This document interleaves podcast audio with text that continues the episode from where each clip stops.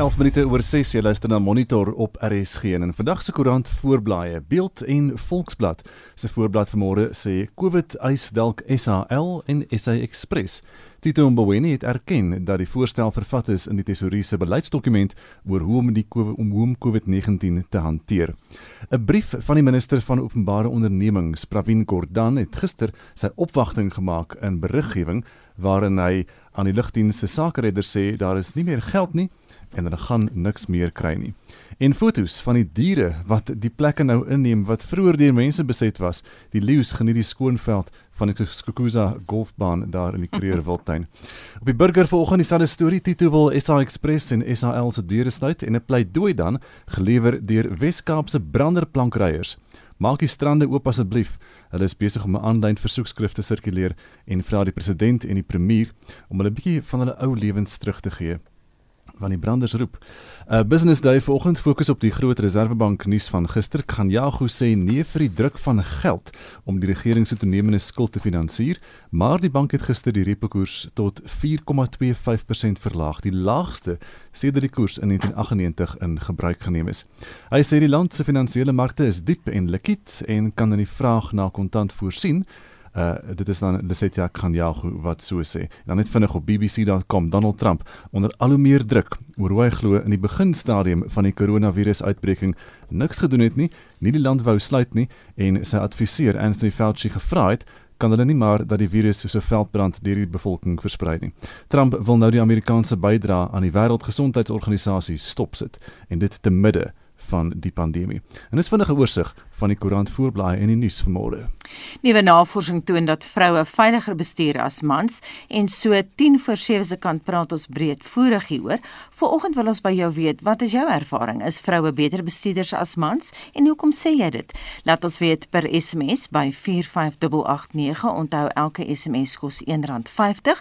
Jy kan gaan na Facebook com vorentoe skynstreep ZRSG of stuur vir ons 'n stemnota na WhatsApp nommer, die nommer daar 076 536 6961.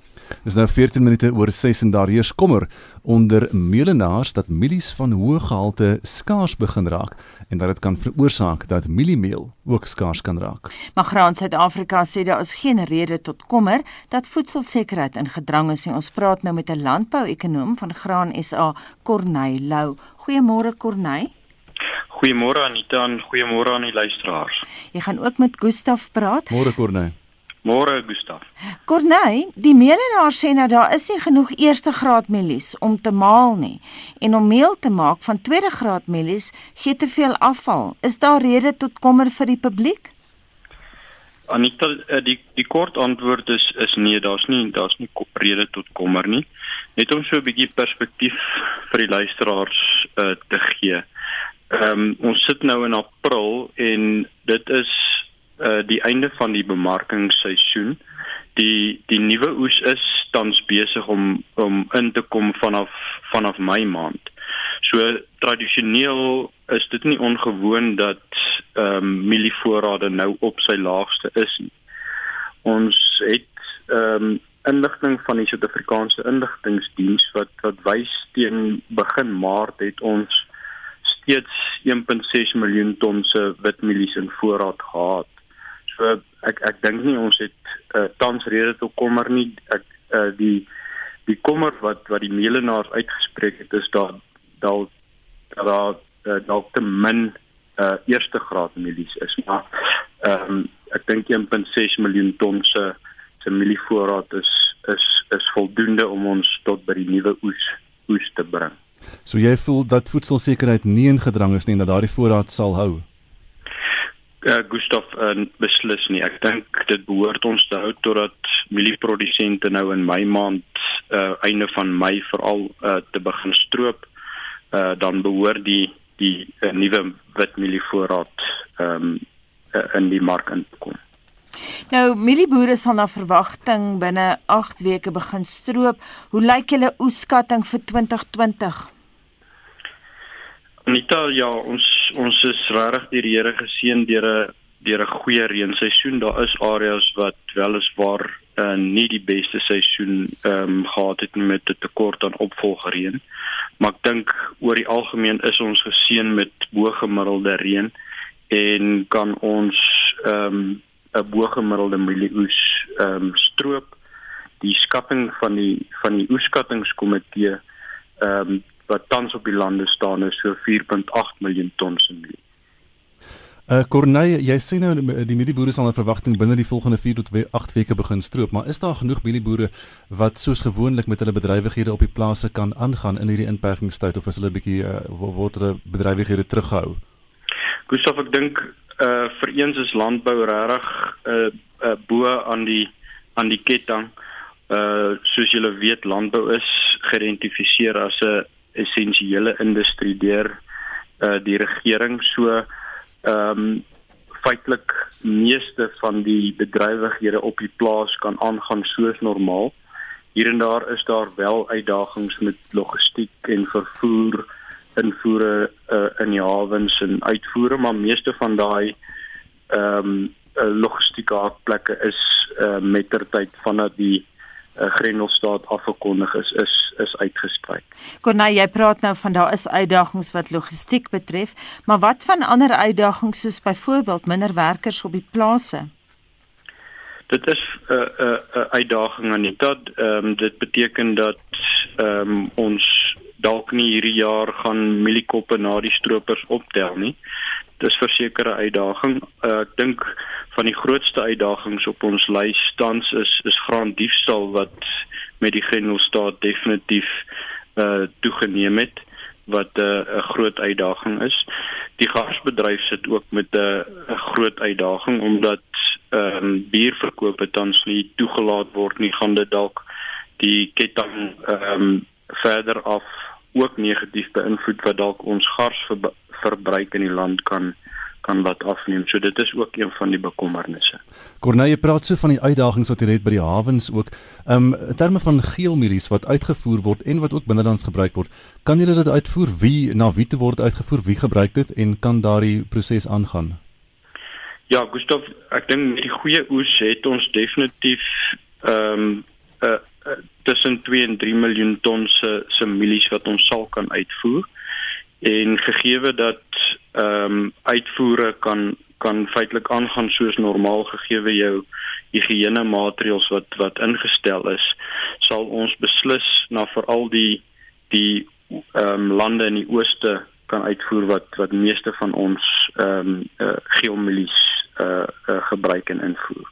As jy pas by ons aangesluit het, ons praat met 'n landbouekonoom by Graan SA Corneil Lou.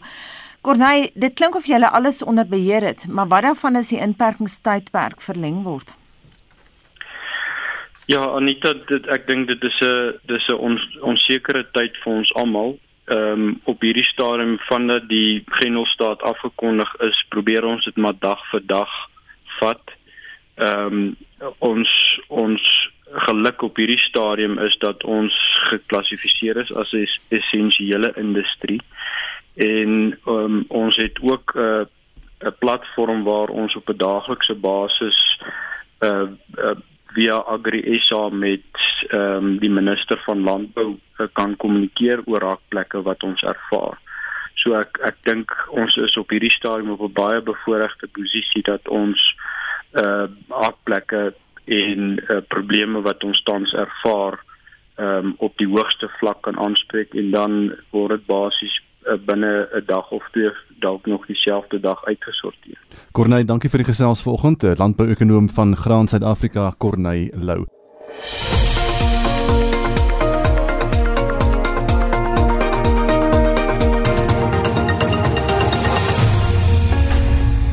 Namibië die inperkingstydperk wens die COVID-19 virus tot 4 Mei verleng en nou ook tot die hele land uitgebrei.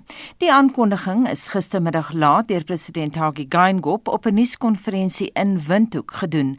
Frikkie Wallis het die verslag saamgestel. Geingob het gesê die welstand van die mense van Namibië is steeds die eerste prioriteit en die inperking is die hoofrede waarom slegs 16 gevalle van die siekte tot dusver in die land aangemeld is. Daar is derhalwe tydens 'n kabinetsvergadering besluit om nie net die inperkingstydperk te verleng nie, maar dit ook op al 14 die streke in die land van toepassing te maak. Tot dusver was Kommas insluitende Rehoboth en Okahanja en Irongo onder beperking terwyl noodtoestand maatreëls in die ander streke van die land gegeld het. Wat die heropening van skole betref, sal slegs onderwysers van 20 April af begin werk. Onderrig hoofsaaklik van die huis af en aanlyn gedoen word en sal daar eers op 'n later stadium bekend gemaak word wanneer leerders moet terugkeer skool toe. It is in view of this that government has decided to introduce further measures as follows. One, the lockdown will be extended from midnight on Friday, 17th April 2020 to midnight on 4th of May 2020. Vroeger het die Namibiese minister van toerisme en omgewing, Pohamba Shefeta, op die daaglikse COVID-19 nuuskonferensie in Windhoek gesê die land se toerismebedryf wat jaarliks tot 26 miljard Namibiese dollar tot die bruto binnelandse produk bydra, het heeltemal tot stilstand gekom weens die pandemie. Hy het gesê dat die oorgrootste meerderheid van die 120 000 werkers in die bedryf huis toe gestuur is. Die voorsitter van die Namibiese Toerismevereniging, Bernd Schneider, het by dieselfde geleentheid gesê die bedryf kan van algehele ineenstorting gered word as toerisme onder streng beheermaatreëls vir Namibiese burgers oopgestel word. Dit sal ondernemings minstens in staat stel om 'n klein inkomste te genereer.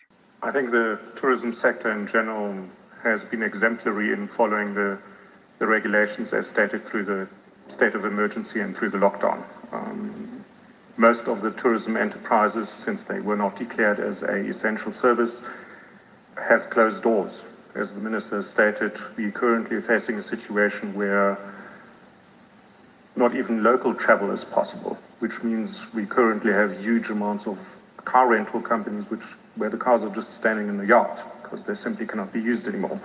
Lodges are effectively closed. We've got many accommodation establishments that have informed us as associations already that they have ceased operations till end of June. So to answer your question about the lockdown, the lockdown itself has been actually taken very seriously by the tourism industry. Dit was die voorsitter van die Namibiese Toerismevereniging, Bernd Schneider. Ek is Frikkie Wallis in Namibië.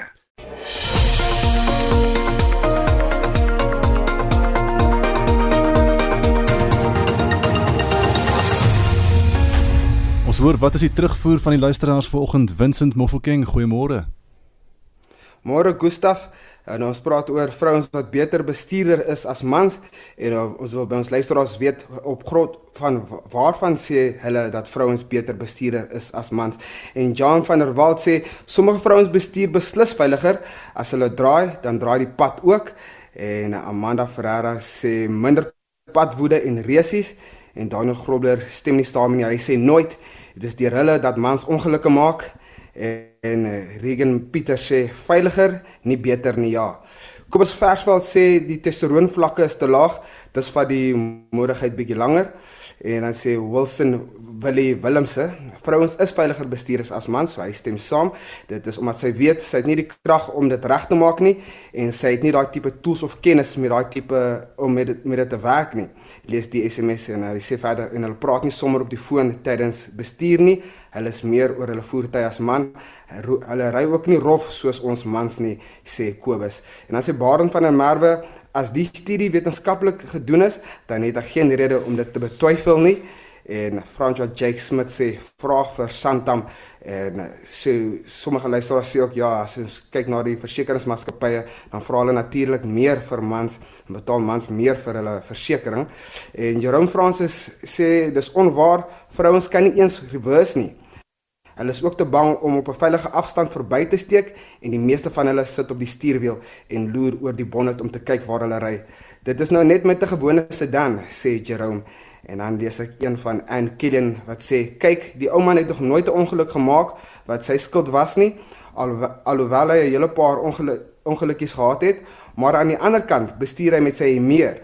Hy het alleen reg op die pad, storm af op stoptekens, trap dan dood dat jy rondgeslinger word in die bakkie, Daarenteen weet ek beslis dat ek 'n baie beter bestuurder is.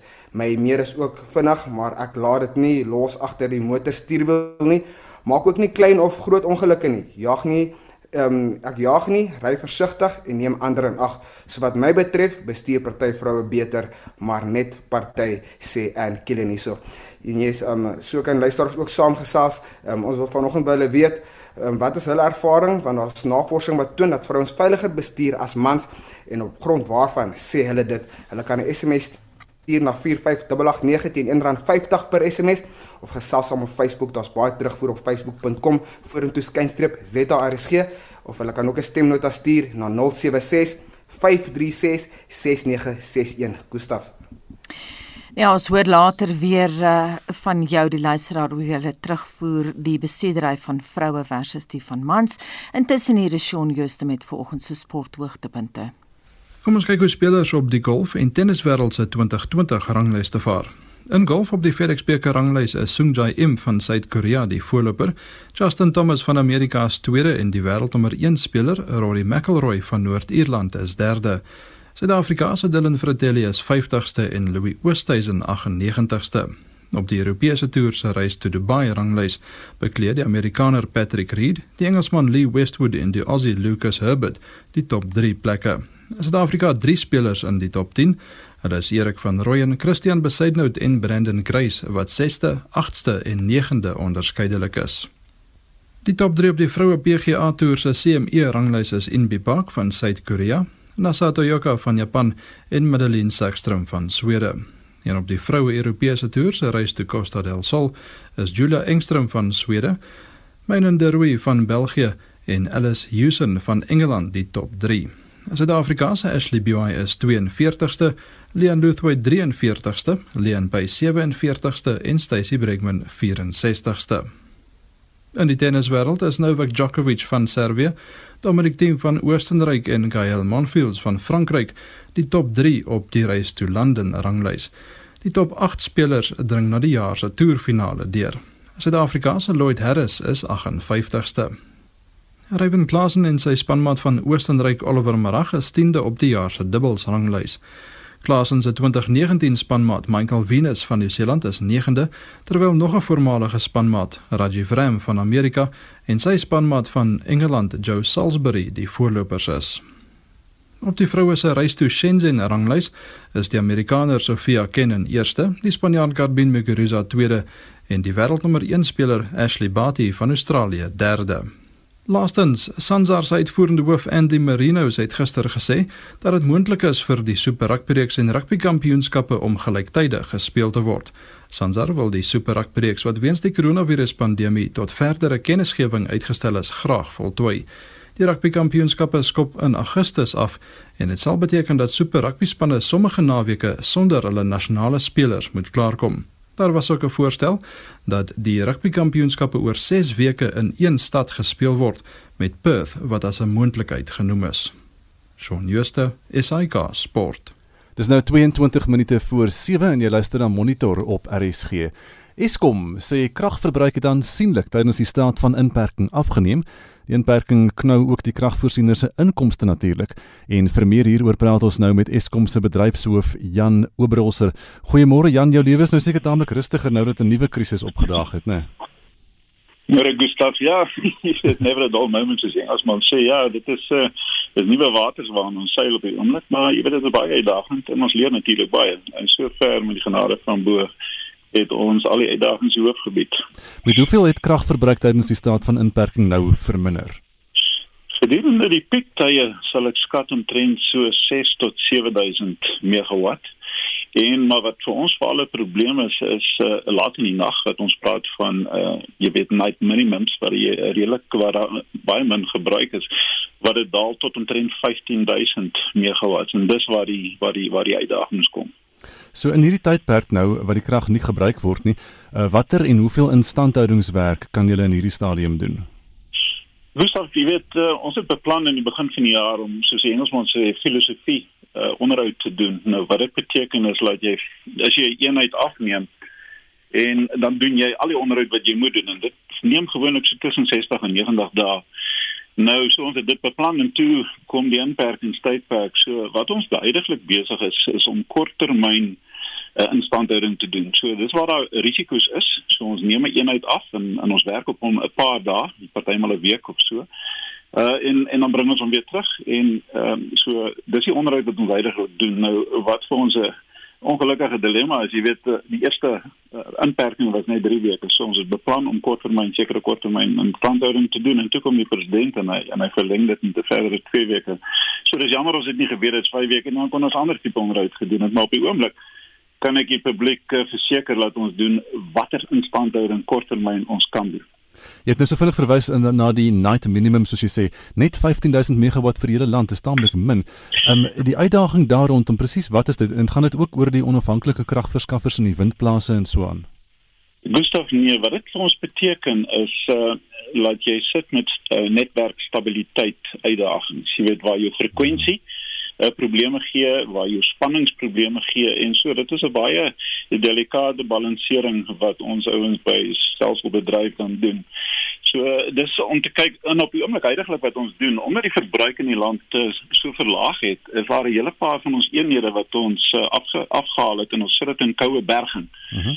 So wanneer dit nodig is sal ons hulle weer terugbring. So dit bring natuurlik ander ander uitdagings. Dit beteken partymal soos gister waar dit koud is, dan is die aanvraag hoër. En om hierdie eenhede terug te bring, jy kan nie sommer vinnig terugbring nie. Dan moet ons ongelukkig met ons diesel brand.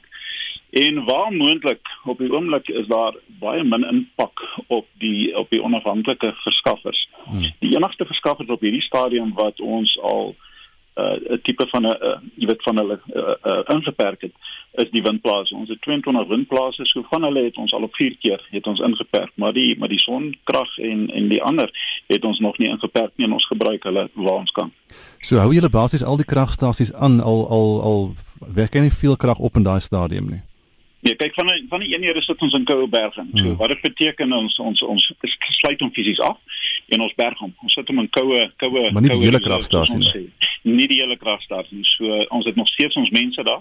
So in hierdie tydperk van inperking en veral met die virus uh, het ons ons werksmag, jy weet, uh, baie verminder. En ons het net die essensiële aktiwiteite en dienste wat noodsaaklik is, die mense is op die kragstasies.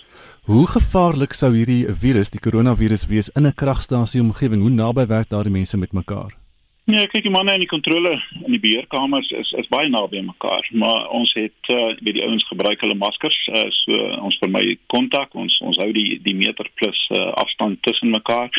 Wanneer die nuwe spanne op op terrein kom, word hulle deeglik ondersoek uh, en so hulle word nie toegelaat as daar enigstens 'n uh, risiko uh, geïdentifiseer word nie. So ons ons doen wat ons kan en met die genade van bo op hierdie stadium is daar nog geen insidente in in in Eskom nie.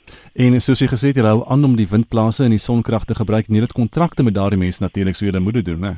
Korrek, ja, ons het, jy weet, en dit moet ou eerbiedig. Mm -hmm. So so ver ons kan eerbiedig ons dit. So die windplase is al al al onderbreek in die in perspektiefwerk. Ja. Maar uh, so on, ons jy weet die, die belangrike ding is om te kyk na die stabiliteit van die netwerk en so ons stelselbeheer doen wat hulle ook al moet. So selfs die die invoer van Korabassa af, jy weet, uh, verlaag ons gedurende die night minimum ook na na absoluut die minimum toe. So uh, ek dink dis 'n baie delikate balansering wat die ouens uitmuntend doen dit. Uh, ek is so trots op hulle. Wat is die vooruitsig vir kragverbruik en beurtkrag in die komende maande? Is dit moontlik om nou voorspellings te waag? Ja, yes, Gustav, dis 'n moeilike een, jong. Ehm um, Kyk wat ons verwag is wanneer die inperkingsperiode afgelas word, gaan gaan die natuurlik gaan die aanvraag jy weet drasties toeneem.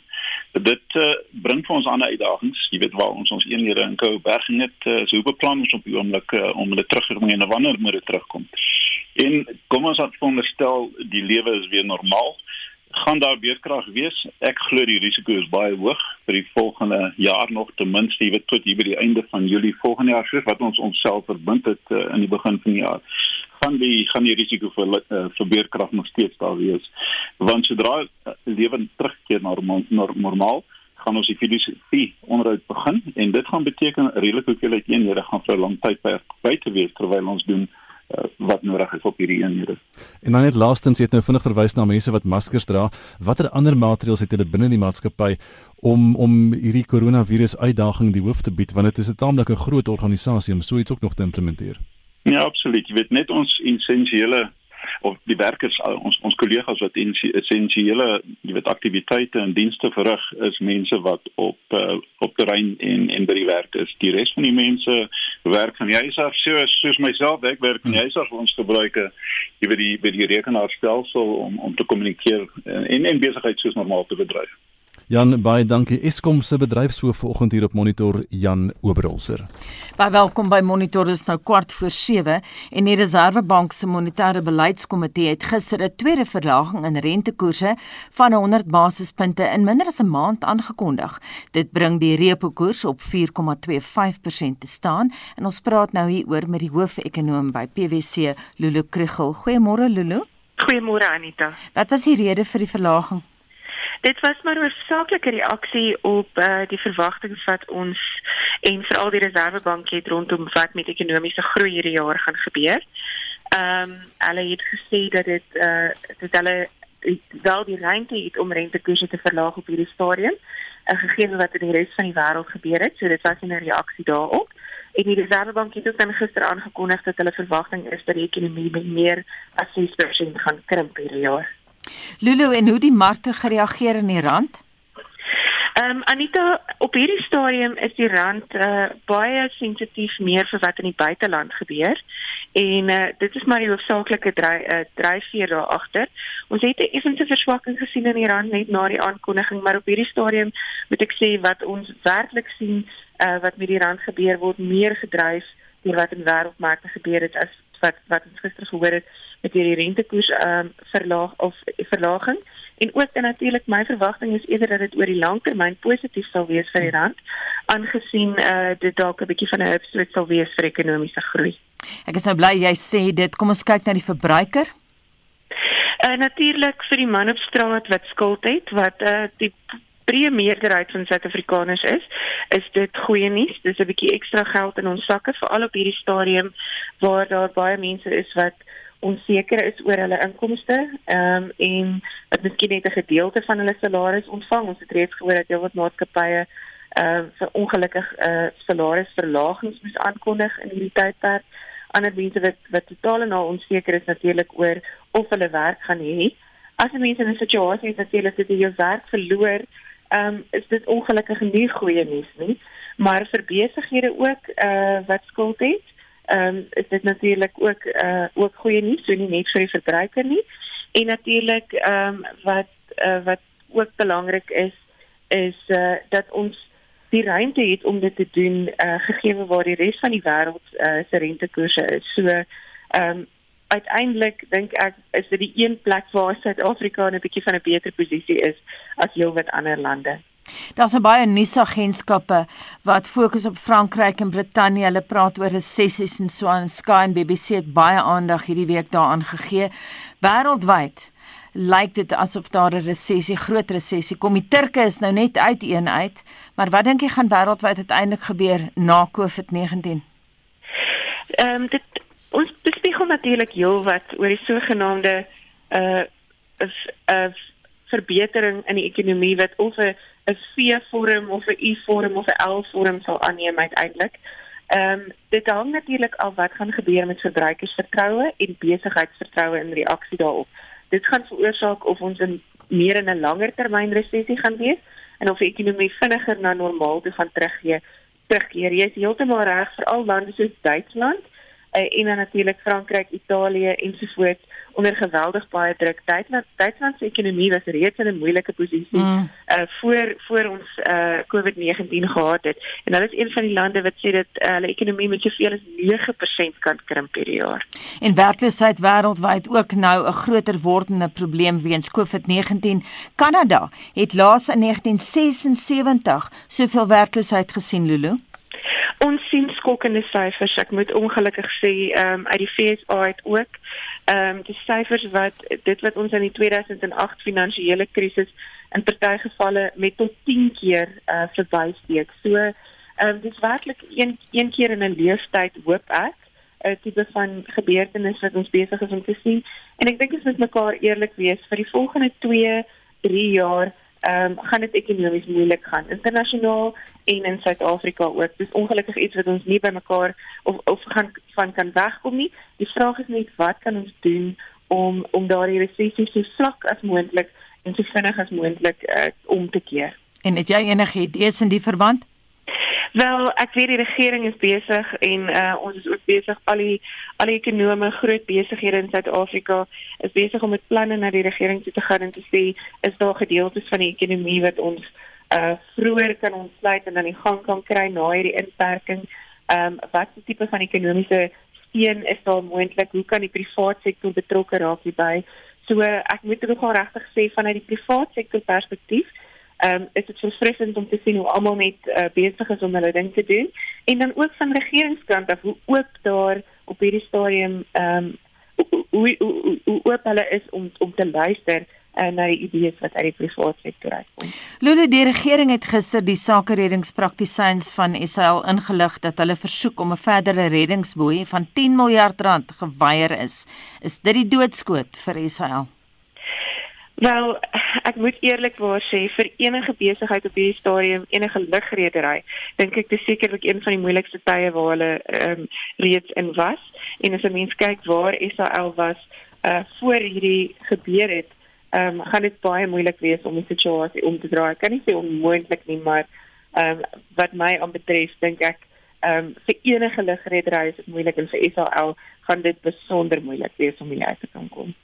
Net laasens Lulu die kabinet sal nou vir, na verwagting vandag vergader om te praat oor hulle gesprekke met die EMF. Ons weet hulle is bereid om met die EMF te praat, maar Tito Mboweni sê nee vir strukturele aanpassingsprogramme. Wat dink jy gaan daar gebeur?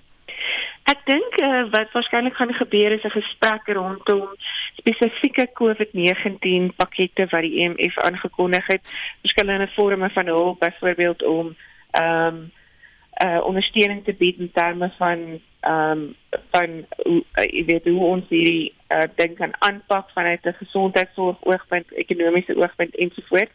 Maar ehm um, ek is nie verbaas om te hoor dat hulle nie na spesifieke strukturele pakkette wil kyk nie. Ehm um, dis iets wat wat ek verstaan en ek ek glo as ons hierdie route gaan moet dit baie spesifiek wees rondom COVID-19. Ongelukkig as ons kyk na die geskiedenis van strukturele pakkette in ander lande, was dit nie baie suksesvol nie. Ehm um, en uh is dit amper asof asof 'n land as hulle eers daardie route gevolg het, keer op keer op terug is hmm. uh by die EMF. Baie dankie en so sê die hoofekonoom by PwC Lulu Krugel. Jy luister na Monitor op RSG nou so 8 minute voor 7 en nuus van 'n heeltemal ander aard wat niks met die koronavirus of enige ander virus uit te waai het nie uh hopelik. Man sou 'n groter risiko vir ander padverbruikers as vroue bestuurders in en dit is 'n studie wat pas gepubliseer is in die vaktydskrif Injury Prevention bevind. Ons praat nou met ons wetenskapkorrespondent George Claassen oor die navorsing wat in die Verenigde Koninkryk gedoen is. George, goeiemôre.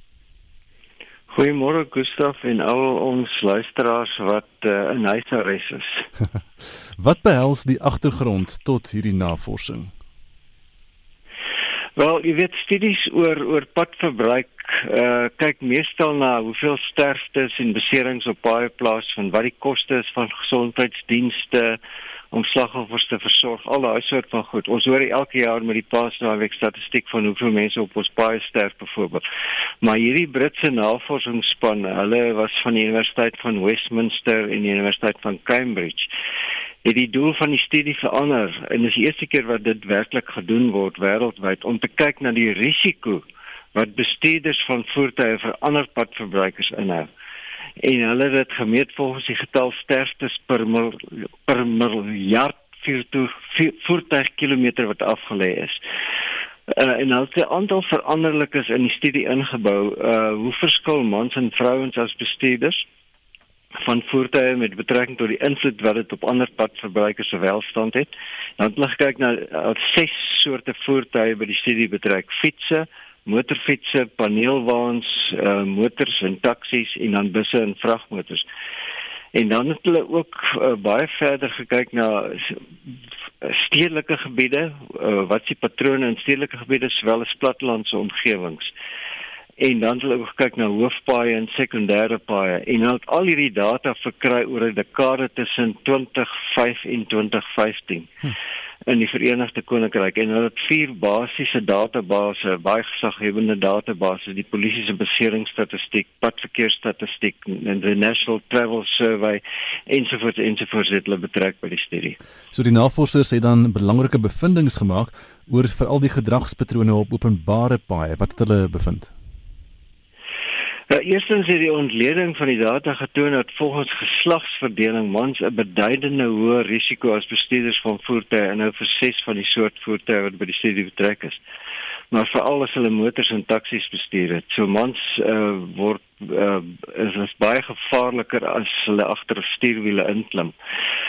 Uh in terme van die absolute getalle was motors en taksies verantwoordelik vir byna 2/3 van sterfgevalle onder ander padverbruik. Gevolg deur vragmotors met 1 uit elke sterfgeval uh van ander padverbruik. Is 1 uit 10 vir paneelwaans busse 1 uit 20 en motorfietsse 1 uit 50 fietsryers hou nie veel gevaar in om ander mense uh op die pad dood te maak nie. Uh maar as jy sterfte gevalle vergelyk volgens die afstande wat afgelees en dis waar die groot verskil afkom, was ander voertuie veel gevaarliker as motors en taksies, byvoorbeeld vragmotors, veral op uh, sekondêre paaie.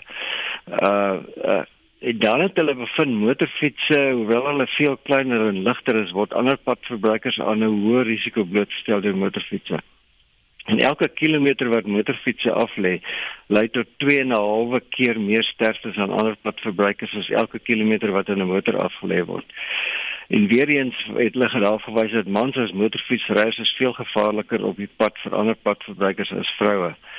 Uh en dan het hulle ook bevind dat in die stedelike gebiede is uh, uh baie van die sterftes slag slagoffers voetgangers. Dit natuurlik in Suid-Afrika ook voetgangers is 'n baie groot komponent van ons mense wat op baie doodgaan.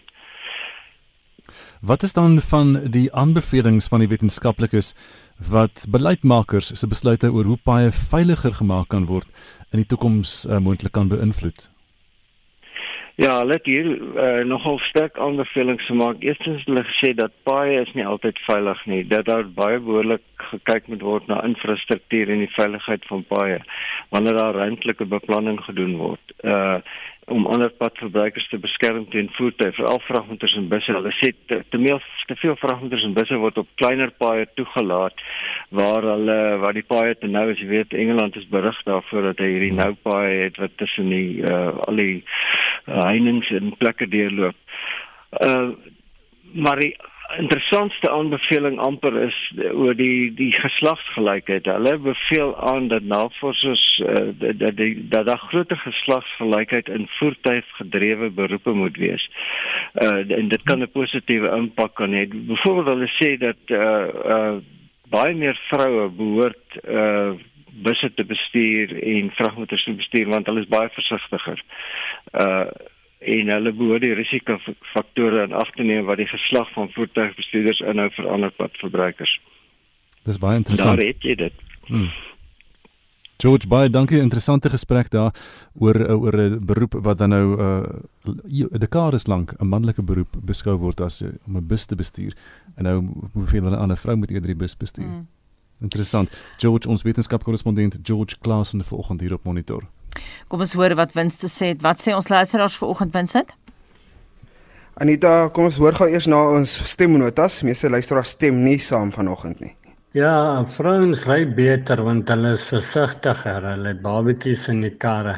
En ja, die mans van die mans as hulle ry, dan wil hulle altyd windie wees of hulle wil die kar spin of dit of dat of donuts gooi. Ja, Vrouens ry versigtig want hulle weet wat is verantwoordelikheid.